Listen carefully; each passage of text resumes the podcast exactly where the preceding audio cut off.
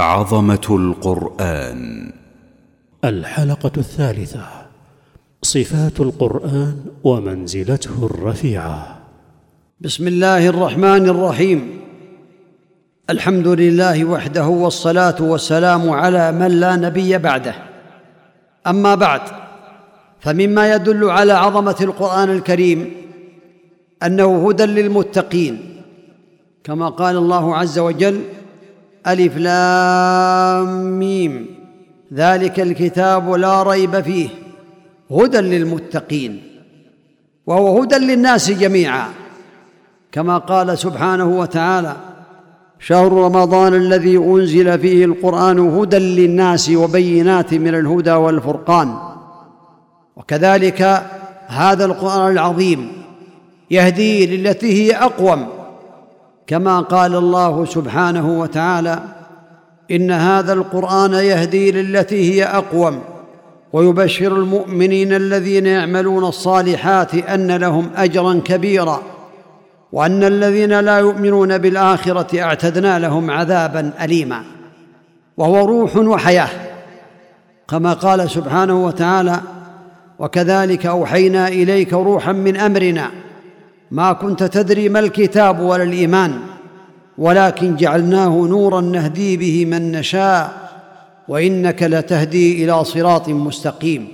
ومما يدل كذلك على أن هذا القرآن هو روح وحياة قول الله تعالى أو من كان ميتا فأحييناه وجعلنا له نورا يمشي به في الناس كمن مثله في الظلمات ليس بخارج منها.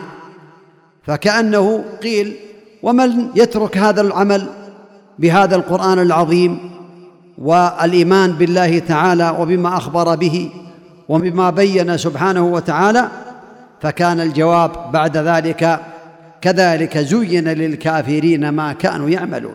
وهو نور يهدي به الله من يشاء من عباده كما قال الله تبارك وتعالى ولكن جعلناه نورا نهدي به من نشاء من عبادنا وإنك لتهدي إلى صراط مستقيم.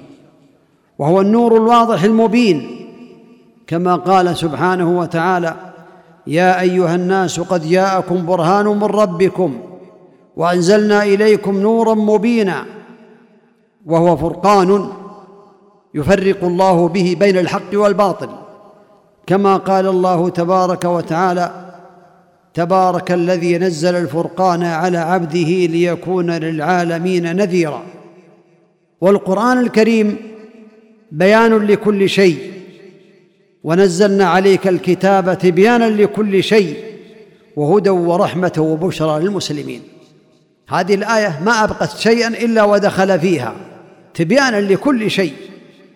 ونزلنا عليك الكتاب تبيانا لكل شيء وهدى ورحمة وبشرى للمسلمين.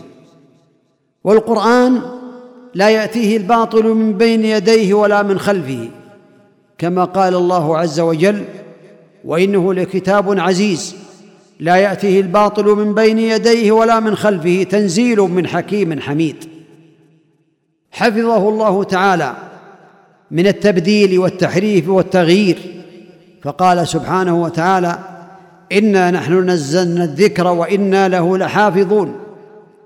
وهو كتاب واضح مبين كما قال الله عز وجل قد جاءكم من الله نور وكتاب مبين يهدي به الله من اتبع رضوانه سبل السلام ويخرجهم من الظلمات إلى النور بإذنه ويهديهم إلى صراط مستقيم وهو كتاب واضح مبين.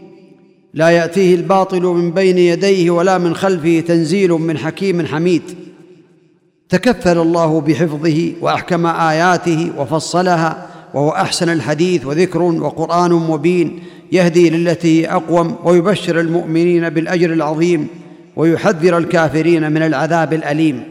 أسأل الله تعالى أن يجعلني وإياكم من أهل القرآن الذين هم أهل الله وخاصته وصلى الله وسلم وبارك على نبينا محمد وعلى آله وأصحابه أجمعين.